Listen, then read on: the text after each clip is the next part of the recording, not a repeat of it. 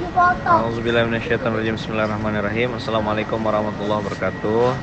Alhamdulillah Seperti biasa teman-teman hari ini hari Rabu tanggal 27 November.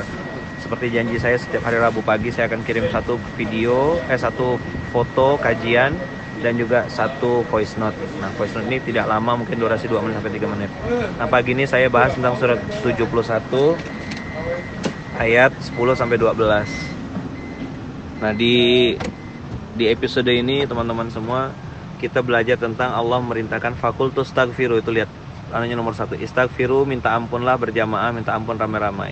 Nah rumus dasar dari minta ampun itu adalah sadar diri sadar dosa. Sadar diri sadar dosa itu adalah menghadirkan perasaan hina di hadapan Allah ya kan tidak merasa diri lebih baik di hadapan manusia.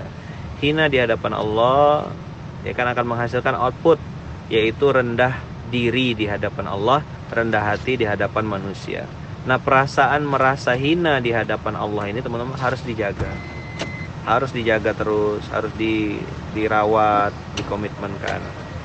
Nah, maka teman-teman semua itu ada gambar keran yang sebelah kanan itu yang saya lihat tunjukkan keran sebelah kanan orang itu rezekinya aslinya banyak dijamin sama Allah tapi rezekinya bisa jadi sedikit ketika ada dosa rezekinya terhambat Nah, tapi ada orang merasa bahwasanya dia sudah minta ampun, tapi rezekinya sebenarnya tidak nampak. Nah, jadi teman-teman analoginya ketika rezeki itu terbuka, maka ember penampungannya yang bocor. Nah, ember ya penampungan yang bocor ini lagi ibaratnya ada salah dia kepada sesama manusia. Maka sebagai hamba dia harus dua hal yang dilakukan. Taba wa aslaha, bertaubat dan memperbaiki diri. Bertobat itu minta ampun sama Allah, memperbaiki diri itu minta maaf kepada sesama manusia. Apa yang mau ditunjukkan? Yang mau ditunjukkan adalah iktikat baik. Jadi buat teman-teman yang hari ini punya masalah, punya hutang dan lain-lain, yang bikin nih pengalaman saya ngelihat beberapa sahabat-sahabat yang dengan izin Allah hutangnya tuh lunas dengan cepat, hutangnya lunas dengan mudah. Itu ternyata ada kesamaan yaitu menunjukkan etikat baik. Jadi kalau antum punya hutang, punya punya sangkutan piutang dengan orang ya tunjukkanlah etikat baik. Jangan menghindar jangan ngalihkan pembicaraan. Kalau memang tidak mampu bayar bilang ngomong apa adanya minta maaf.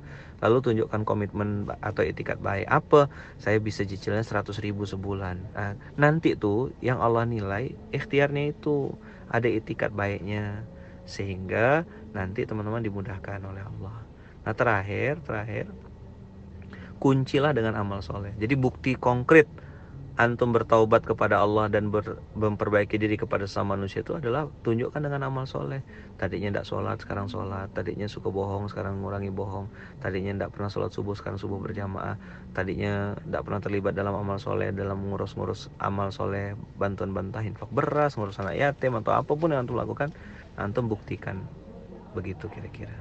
Nah nanti yang mau diskusi ya silakan. Silakan di share ini nggak perlu izin-izin sama saya silahkan share. Salam hormat dari saya Lukmanul Hakim. Saya juga masih santri. Santri di pondok. Barakallahu fikum. Assalamualaikum warahmatullahi wabarakatuh